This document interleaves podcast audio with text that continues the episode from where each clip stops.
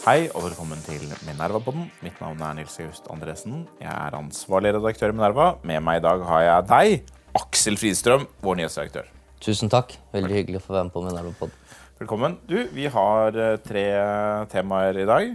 Det er litt uh, storpolitikk, litt amerikansk politikk, og så litt kommunalpolitikk. Det er et kinderegg, rett og slett. Det er et kinderegg. Her har vi alle, alle nivåer, altså.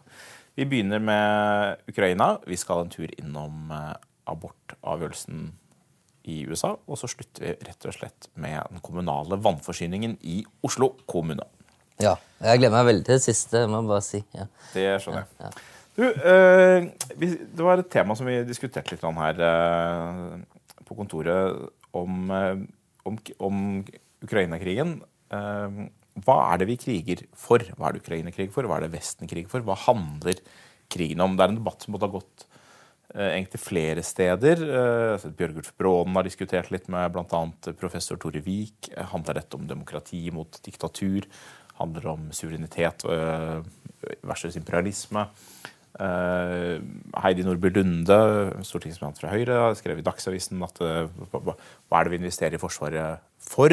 Og trakk frem på et spørsmål om homofili, liberale friheter, som, som har blitt tematisert av Putin, selvfølgelig. men som også var basert på en, en kronikk av kommentator i VG, Tone Sofie Aglen, som, som skrev om, eller som siterte nok en kommentator, Matthew Syed i The Times, som skrev at mens og det her kommer poenget, mens eh, Putin og Jinping underla seg verden, kranglet vi om kjønnsnøytrale toaletter. Nå må tiden for det være forbi. Nå må vi snakke om realpolitikk.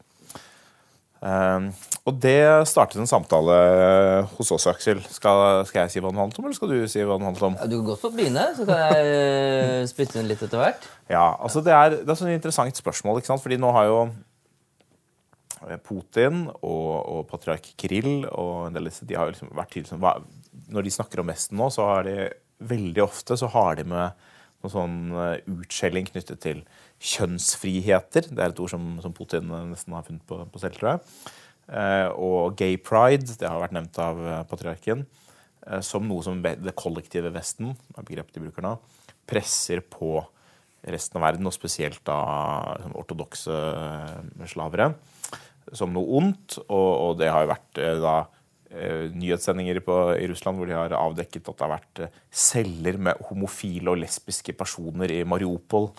Eh, som har vært sponset direkte fra Kongressen og ledet av Biden. og liksom, altså det er en sånn Man gjør dette til et spørsmål om LHBT-rettigheter. Eh, som det på en måte er naturlig at at Vesten besvarer med å si sant, ja, vi, selvfølgelig slåss vi for LHBT-rettigheter. Og så er det noen dilemmaer oppi dette som jeg syns er litt interessante, som går til det Sayed eh, da skrev om. Og det er at et av de landene som gjør aller mest for Ukraina i Nato, eh, relativt til folketall, men, men, i noen grad også absolutt, det er Polen. Um, som selvfølgelig er et land som vi ellers har vært vant til å kritisere for for deres syn på, på LHBT og deres restriktive lovgivning. Og andre spørsmål også, abort, og, som vi skal komme tilbake til etterpå. Um, og det, det, fikk meg liksom til å tenke litt på hva er det eh, hva er det verdifellesskapet som, som Ukraina-krisen konstituerer? Fordi jeg tror at det må Det er både et interessefellesskap og et verdifellesskap. Men hva er det det interessefellesskapet er?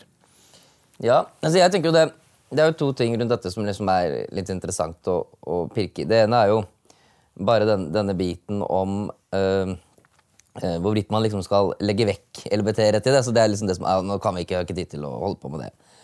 Uh, det argumentet er jeg ikke sikker på om jeg nødvendigvis liksom er enig i. Vi liksom må slutte å utvide sivile friheter i samfunnet fordi liksom, nå er det krig i Ukraina.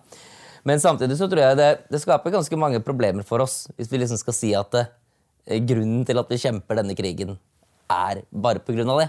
Eh, for det første så blir det eh, Da innsnevner du formålet med krigen til en ganske snever del av liksom det som er vestlig verdisett. Som jo ikke nødvendigvis er Alle er ikke, vestlige land er ikke nødvendigvis enige om det. Ikke sant? Polen for eksempel, vil jo ikke si at det er, er det dette det handler om. Så de vil ikke kjenne seg igjen i en sånn beskrivelse. Så for det andre så får du jo så vil jeg ikke si at det blir ikke helt logisk konsistent. Altså, la oss si for at uh, i en tenkt scenario da, at Russland liksom var et slags uh, fyrtårn for uh, rettighetene til seksuelle minoriteter, men likevel hadde gjort dette.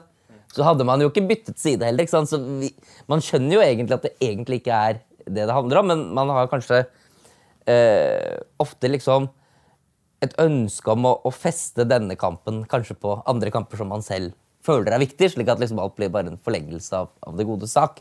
Men jeg, jeg er nok mer i tvil om at det liksom er en, en, veldig god strategi for å tenke om hva vi egentlig ønsker. om. Jeg, jeg tenker at Den verdikampen som ligger under, handler i en viss forstand om eh, et pluralistisk samfunn og et, eh, et uh, demokratisk samfunn i en veldig i på den minst omseggripende betydningen av det ordet, versus et, med, versus et militarisert uh, autoritært samfunn. Og så finnes det jo ikke-demokratier som støtter uh, Ukraina. Singapore har vært nevnt, uh, en, del, en, del, andre land som inngår i den amerikanskledede alliansen. Så det kan være riktig og viktig å gi måte, flere begrunnelser for, for, en koalisjon av land.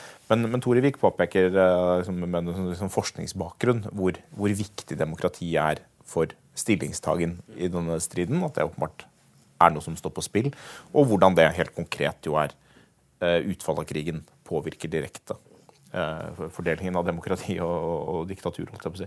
Men, men, nettopp det er liksom det, er en interessant ting med, måten vi forstår demokrati og det liberale på.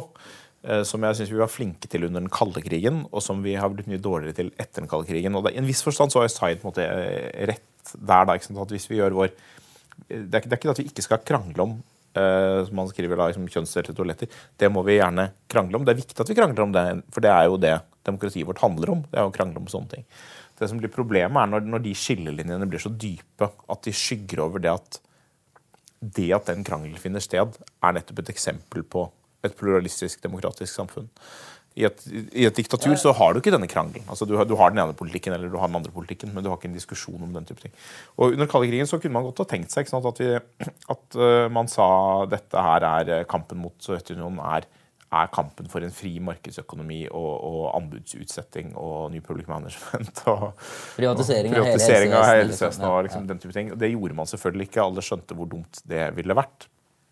Man var avhengig av å eh, man, man, man, var avhengig av og til av å finne innenrikspolitiske kompromisser, men først og fremst av å, å akseptere at den kampen var mindre viktig enn kampen mellom Eh, det pluralistiske samfunnet og det ikke-pluralistiske samfunnet. Ja, og det som jo egentlig ble fronten, var jo nettopp at eh, Eller saken var jo nettopp at de ulike mindre statene var suverene gjerne til å organisere det seg selv som de ville. Om de vil ha New Public Management eller ei. Sånn, eller private helsetjenester eller ei. Sånn. Og det er jo selvfølgelig et budskap som når ut veldig mye bredere enn hvis du har det veldig spesifisert hva du er du ønsker å oppnå. Ja, Men det, det peker da på noen av de dilemmaene vi har i dag. Russland er veldig flinke til å bruke denne retorikken eh, om at det hegemoniske USA, det kollektive Vesten, eh, presser på eh, motvillige land, og delvis sine egne innbyggere, og liksom alle land utenfor Vesten. Et, det de kaller for et totalitært, liksom, liberalt tankesett, hvor alle må gå i takt og mene det samme om disse tingene. Eh, og de har akkurat nok liksom, eksempel å ta av til at det, det har gjenklang på hjemmebane, selvfølgelig, men, men, også i andre deler av verden. Eh, India er et viktig eksempel på et land hvor denne retorikken har en del gjenklang. Mange afrikanske land. Uh, men selvfølgelig også en del, en del, segmenter i de europeiske samfunnene og, og i, i, USA, ikke minst i det republikanske partiet. Så det å være finne en tydelig strategi hvor, hvor denne måten å splitte Vesten på og, å avskjære Vesten fra resten av verden på, eh, ikke fungerer, det tror jeg er veldig viktig. Og da må vi tenke oss om hvordan vi formulerer motsetningen mellom det frie samfunnet og det ikke-frie samfunnet. Og inn i det så kommer jo selvfølgelig eh, også eh, indirekte så havner jo LHBT-rettigheter inn i det. Fordi muligheten til å kjempe for LHBT-rettigheter er betinget av det frie samfunnet. Alle rettighetskamper er betinget av et fritt samfunn. Men, eh, men, det er vanskelig å skape en konsensus om alle rettigheter. Og man kan være veldig rasende over det, frustrert over det. Man kan være veldig sint på Polen. Og Polen har jo hatt en utvikling også på andre områder som vi har vært bekymret over at nettopp går bort fra det, det, det det mer mangfoldige, pluralistiske samfunnet. Men, men eh, du har, har, disse bevegelsene i mange land hvor det er en del av det pluralistiske demokratiet. Og det å, eh, det å på en måte fremmedgjøre dem fullstendig skaper en krevende sikkerhetspolitisk situasjon også. Vi må på en måte akseptere at vi har disse store motsetningene internt. Det innebærer et demokrati at noen av og til velger illiberale, autoritære løsninger som vi ikke eh, setter pris på. Og så har vi muligheten til å reversere det en annen gang. Vinne et annet valg. Eh, overbevise opinionen. Det er den muligheten som er den systemiske forskjellen fra, fra Russland. Så det, mm, det var noen refleksjoner vi hadde der. De, de, fører egentlig litt naturlig over til det neste punktet. Nå har vi klart å snakke, I to måneder har Vesten klart å snakke om med nesten én stemme. Vi har klart å være ganske samlet. Vi har klart å ikke snakke altfor mye om eh, kjønnsdelte toaletter, selv om det er en viktig sak, sak for, for, for, mange. Eh, men så kom eh, denne lekkasjen av en vedtak i amerikansk høyesterett. Vi vet jo ikke helt sikkert om det, om det blir, men som mest sannsynlig, mest sannsynlig ja da omstøtter Roe v. Wade, altså den dommen som eh, er grunnlaget for eh, måten abort håndteres på i USA. Ja. Um, hva tenker du? Nei, altså jeg syns jo det eh, Jeg syns ofte at den, denne saken den er litt er ofte litt misforstått gjerne i, i, ofte i den norske offentlige debatten. Fordi eller, Mitt personlige syn da, er at denne Roe versus Wade-loven altså Jeg er jo i og for seg for abort, men denne dommen er, var veldig uklok når den ble vedtatt. Fordi at hun tok en sak som egentlig hører hjemme i det politiske systemet, og gjorde det til et rettslig spørsmål. Og nå vil jo den rettsavgjørelsen eh, mest sannsynlig ble, bli omgjort. Som også fremviser hvor sårbart det er å ta eh, og fremføre borgerrettigheter på denne måten fremfor noe annet. Men som også har eh, skapt veldig stor eh, splittelse i Amerika. Har gjort det hele Høyesterett egentlig til en, en, en, en, ny politisk arena. Og det er jo nettopp fordi at man, republikanerne har klart å oppnevne så mange høyesterettsdommere at denne loven nå uh, blir opphevet. Og jeg men jeg er nok også der at det, selv om jeg tenker at denne dommen var veldig uklok. Så jeg er ikke helt sikker på om det er, så lurt å, å reversere den likevel. Uh, delvis fordi at det har jo fungert sånn nå i 50 år. Og eh, veldig mange eh, stater med eh, ganske verdikonservativt flertall i Amerika altså, de har jo over lang tid eglet hverandre opp og skal lage mest mulig strenge abortlover. Eh, som, de, som, som, de, egentlig ikke trenger fullt ut å forholde seg til, for det blir ikke noe av pga. denne Roe versus Wade-dommen. Uh, og uh, nå blir de nok sittende med mye mer streng abortlovgivning i en del amerikanske stater enn det de kanskje ellers ville hatt. Hvis de hadde hatt muligheten til å tenke seg gjennom og faktisk måtte leve med konsekvensene av denne backloggen av Agda mot mot Roe versus Wade. så det tror jeg vil ha ganske jeg tror at det vil i hvert fall på over lengre sikt så kan det kanskje ta til det løser seg litt, at man blir mer pragmatisk. Men på kort sikt så kommer det til å skape ganske store problemer. Og uh, setter uh, nå scenen for ganske stor politisk splittelse også inne i USA, når de, alle må begynne å diskutere dette på nytt. Ja, og det er jo, det er jo da, fra Ukraina det er nettopp det vi nå ikke trenger. At disse samfunnene bestemmer seg for at noen av disse indre stridene er så mye mer eksistensielle at vi nesten ikke klarer å forholde oss til hverandre som legitime politiske motstandere. Altså, eh, bare en ting med denne dommen det er at det er eh, jeg vet at det finnes mange jurister som, som forsvarer selve dommen, men uh, hvis man går til utenlandske jurister, så vil jo mange mene at det er en uh, juridisk sett en svak dom. Det handler jo ikke bare om at dette er en uklok politisering. Altså, hvis dette spørsmålet var juridisk klart, så fikk man på en måte leve med at var at man da måtte ta det politisk inn i jussen.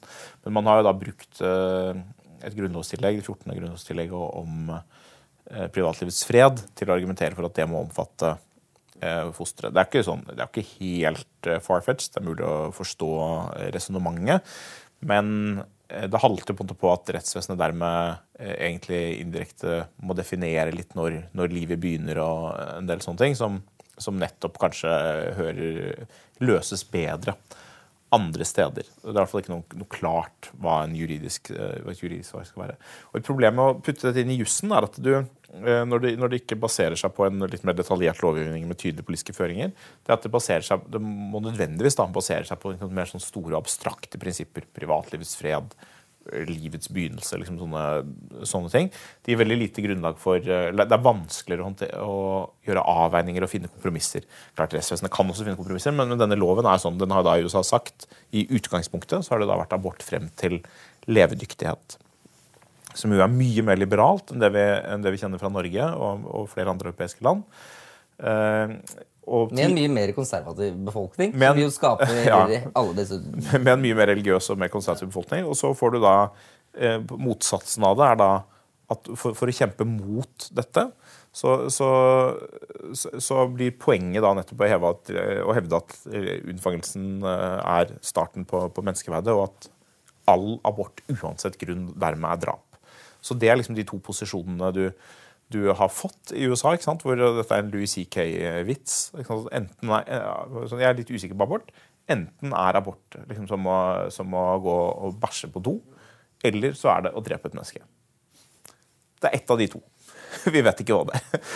Og, og, og når halvparten av befolkningen eller litt mer halvparten av befolkningen behandler det som det første, og 40% behandler det som det siste, så er det åpenbart at du har et ganske stort, uh, stort problem. Og det, det, det, viser på en måte fordelen med å gjøre det, det vi har gjort i Norge. dette er jo Minerva-linja på abort. Det er ikke snakk om abort. Vi har et kompromiss, og det er et kompromiss som det er på en måte gode grunner til at ingen er helt fornøyd med. fordi det er nettopp et kompromiss. Det er et kompromiss, det er ikke åpenbart at det er helt prinsipielt. Det går an å gi en begrunnelse for, for, hvorfor det skal være akkurat som det er, sånn, men, men det, er ikke, det følger ikke av no, et enkelt prinsipp at det blir akkurat sånn. Det er, eh, men det er en lov som de fleste kan leve med. Det gjør den stabil, det gjør den bærekraftig, og så har den blitt rokket ved litt nå i det siste. Eh, men selv når den blir rokket ved, vil jeg si, så, skjer det normalt skrittvis, og kanskje det skjer som en respons på ny teknologi, eh, kanskje endringer i konsensus i samfunnet som gjør at man det er legitimt at man av og til i og for seg diskuterer disse tingene på nytt. Eh, mens i USA så er det på en måte Det skjer ingen endringer over veldig lang tid fordi den er bundet av en domsavgjørelse og så snus den, og så er det liksom fullt kaos. Og Man ser jo da at uh, demokratiske senatorer og politikere tar, nå veldig til orde for at det må være fri abort uh, hele perioden. Ingen grense. 40 uker. Mens den andre siden da sier null uker. Det er jo på en måte en sånn en abortdebatt som, som ikke har vært vant til å håndtere som en politisk debatt, vil fort ende i null eller 40 uker. Man har mye mindre erfaring med å Du slipper å forholde deg til konsekvensene, av hva du mener. Og du slipper å, å, forholde deg til at det er viktig med å ha politisk oppslutning om det.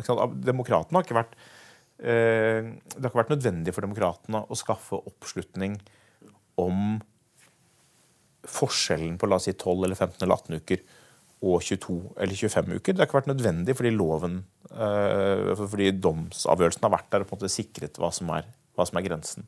Men hvis man nå skal gå inn og lage lover, så må man jo være i stand til å bygge en koalisjon som sikrer flertall for de lovene. Altså, i, i, dette vil jo være på delstatsnivå. Noen delstater har jo liberale lover og vil fortsette å ha det.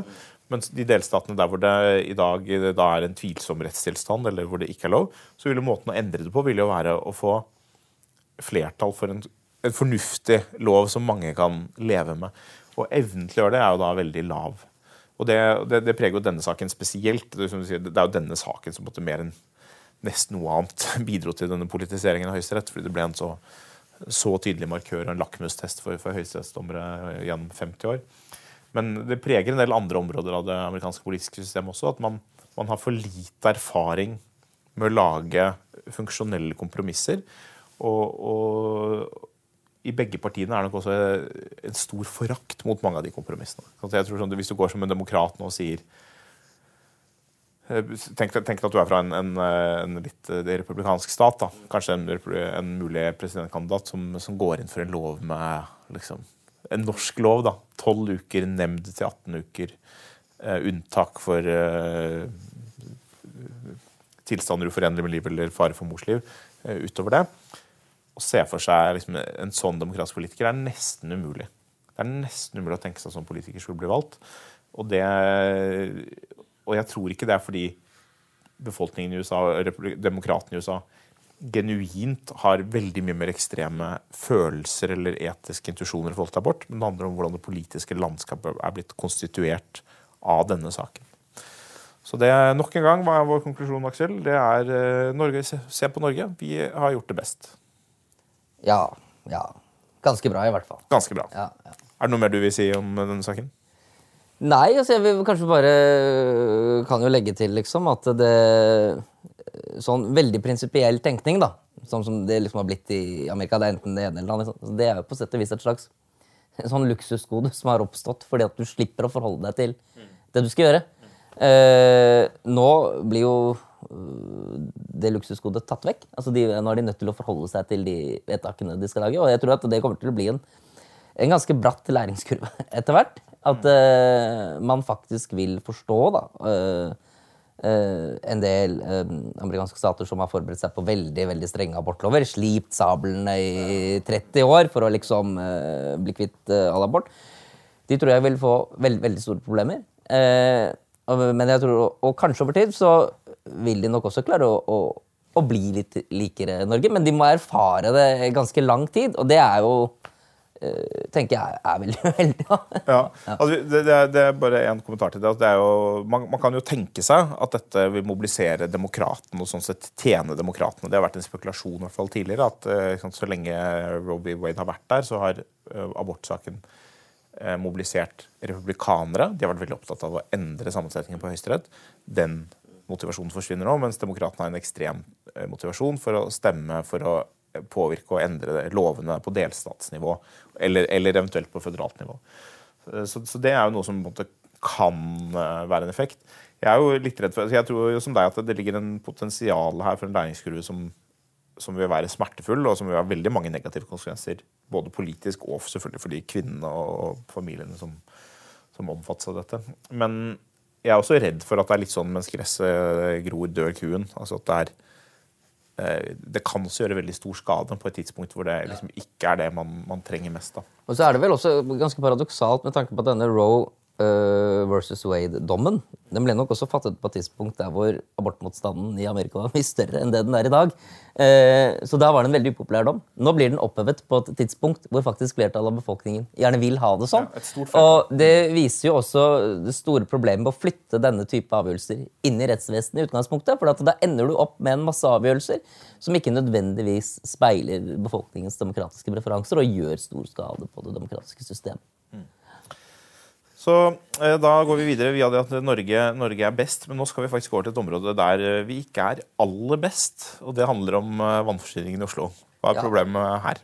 Nei, altså nå, denne uken så ble det jo sendt ut eh, tekstmelding til eh, vel hele byens befolkning om å, å spare på vannet. Og det skal jeg også forsøke å gjøre, for det tror jeg er eh, veldig fint. Og man fremdeles kan få drikkevann på tapp, men det er det ikke sikkert at man vil få hvis magasinene tappes ned enda mer. Eh, Men så er det jo også liksom en uh, tilløp til en sånn uh, type debatt om hva er det som er årsaken til at vi har fått dette problemet. Og det syns jeg liksom er uh, ganske interessant. Altså, blant annet så er det jo uh, Faktasjekktjenesten faktisk, de har jo skrevet en eh, sak om dette.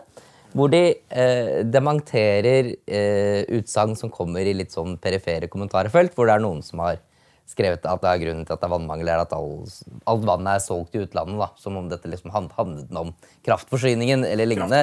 Ja. Og så får de liksom eh, 200-300 likes. Det er jo sånn, det er noen som har lest og syns at det var, liksom var klokt. Men det er jo åpenbart usant. ikke sant? Altså, det er ingen sammenheng mellom kraftsalget og, og vannforsyningen i Oslo. Eh, men også har jo da faktisk fått vann- og avløpsetaten selv til å oppklare at det ikke er tilfellet. Og så sier vann- og avløpsetaten nei, det handler bare om at det er liksom lite nedbør, og så måtte vi gjøre litt vedlikehold på en demning et eller annet sted. Men den forklaringen som da kommer i faktisk sin sak, og som er vann- og avløpsetatens egen forklaring, den synes også veldig utilstrekkelig. For vann- og avløpsetaten er jo selv en part i dette, som er sammen med politikerne har ansvaret for at byen har en stabil vannforsyning. Eh, og når de velger å legge skylden på at eh, vannet er i risikoen for å bli borte, bare på vær og vind, så er det eh, pussig. Ikke sant? Altså Jeg eh, bare nevne, Det står i den faktiske saken at dette er det niende tørreste året siden uh, målingene begynte i 1900. og det, De får det liksom til å høres ekstremt ut. og Det er jo selvfølgelig det er jo en outlier, det er jo uvanlig, selvsagt. Men, men det vil jo også bety, da, med det kriteriet, for å si det sånn, at da vil vi ha kritisk vannmangel i Oslo nesten en gang i tiåret. Og det er jo åpenbart en uh, uholdbar og unødvendig situasjon for et land som ikke mangler vann. Ja, ja, og det at eh, en kommune ikke klarer å levere et primærgode som vann, er ikke et veldig godt tegn med tanke på hvor styrt, godt styrt den byen er. ikke sant? Og eh, Jeg har jo skrevet en kommentar hvor jeg trekker liksom en, en, referanse til eventyret om de, de, tre små grisene. ikke sant? Altså Der er det tre små griser som alle bygger, sitt, bygger hvert sitt hus. Og Det første huset det eh, blåser ulven på, og så detter det ned. Men er det fordi at ulven blåser, altså vær og vind, eller er det fordi at det er bygget av strå? Og moralen i De tre små griser er jo at det siste huset faller ikke ned. For det er bygget av mur. Eh, og det er mulig at det også er en slik lærepenge om dette for Oslos del. For dette er jo dette med eh, vannforsyning i Oslo har jo lenge vært preget av eh, politiske skandaler. Eh, man, kommunen har jo ventet altfor lenge med å fatte en investeringsbeslutning for å bygge en reservevannsforsyning. Og ble jo truet av Mattilsynet med dagbøter på opp mot en million kroner dagen for å ikke ha den forsyningen. Uh, I tillegg til det, så, uh, nå, eller nå som det da så er fattet en beslutning, så er det store fremdriftsproblemer, kostnadsoverskridelser, masse problemer med å realisere det prosjektet de har vedtatt. Uh, og så har man jo i tillegg til det det er faktum at omtrent 40% av det vannet som produseres i Oslo, lekker ut gjennom lekkasje i ledningsnettet. Og at man har bygget Eller Oslo har jo vokst med omtrent 200 000 innbyggere de siste 20 årene. Så her har man jo på én side ført en byutviklingspolitikk som gjør at behovet for å produsere vann blir større, men uten å nødvendigvis ha tatt alle de avgjørelsene som utbreder infrastrukturen i takt med befolkningsveksten. Og det fremstår for meg som en mye mer plausibel årsak til at man har dette problemet, enn at det bare var den niende tørreste aprilmåneden siden 1990. Mm. Ja. Siden, siden, 1900. Men, uh, men, men uh, jeg tror det er et veldig, veldig godt og, og, viktig poeng. Og det, det, sier litt om hvordan vi uh, om, at, om hvordan vi klarer å gripe fatt i den type strukturelle problemer. At det er, det er, lett å si nå er det tørke, mens hvis du skal legge skylden på politikerne, så er det jo åpenbart at det er det det er veldig mange politikere og, og i og for seg kommunale etater og etatsledere som deler ansvaret for at dette har oppstått. For det har oppstått over en periode på skal, skal si, 50 år, da, siden man nesten begynte diskusjonen om reservevannforsyning Oslo. Ja. Uh, og vedlikeholdsetterslep uh, på, på rørledninger, lekkasjer osv. Og, så og en byutviklingspolitikk med, med befolkningsvekst som, hvor, dette burde, burde, vært et sentralt element som måtte vært håndtert tidlig, og som kanskje eventuelt måtte fått konsekvenser for hva slags eh, befolkningsvekst man la til rette for. Eh, som ikke har blitt gjort, og som eh, i hvert fall la oss si de siste tre-fire byrådene by, by, ja, de tre siste fire byrådene deler et ansvar for. da. Så, så, det er kanskje det at man, eh, Mediene liker jo gjerne å peke på én byråd som må gå. ikke sant? Det synes de er, eh, Da har de fått suksess. Det, det, gjorde, ja. det gjorde, man jo. Men Mæland måtte jo faktisk eh, gå på pga. dette. Men det er egentlig det var, ikke, det er ikke åpenbart at det er hennes skyld. Nei, ikke sant? Sånn. Men da var de fornøyd med at de kunne få en, en ansvarlig her. Men så her liksom blir det veldig tydelig at ok, dette strekker seg over kjempelang tid. Hvem skal man skylde på? Så er ikke det noe gøy for mediene. Men jeg synes også det er et annet aspekt her som er litt interessant med denne faktisk-saken. Det er at Man faktisk har jo hatt flere sånne saker om hvor de går løs på de som er kritiske til eh, kraftutveksling, utenlandskabler osv. Noen av de sakene mener jeg har vært eh, litt, altså de, har, vært preget av at de har hatt den samme veldig tydelige eh, konklusjonen eller agendaen. Altså de, de, har tatt, har vært folk som har sagt et eller annet om at dette fører til høyere priser eller er dumt eller er, liksom, på en eller annen måte er uklokt. Det er dem de har gått etter. Uh, og det er absolutt liksom elementer i mange av de faktasjekkene som, som, det er fullt mulig å diskutere. Det er, det er ikke fakta som på det bare står igjen.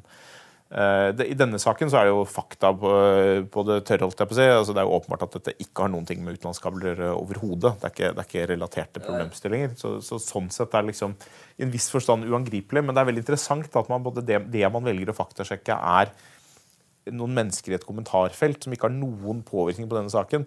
Og så får man i tale en person som har ansvar for denne saken.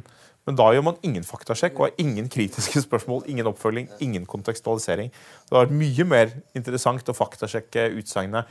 Er det det forholdet at det er den 9. tørreste april siden 1900 som er den viktigste Er det den viktigste forklaringen? Den viktigste, eller den uttømmende forklaringen? Ja, eller ja. Er det den politisk mest interessante forklaringen på at dette har oppstått? Det er det um, i en viss forstand helt åpenbart ikke. fordi uh, det er jo, hvis du, lage, hvis du sitter her i år 2000 og skal, si, skal lage et scenario fremover for her er befolkningsveksten, her er lekkasjegraden, her er klimavariasjonen, eller her er her er nedbørsvariasjonene. Det er ikke åpenbart at akkurat dette her er relatert til, til klimaendringene.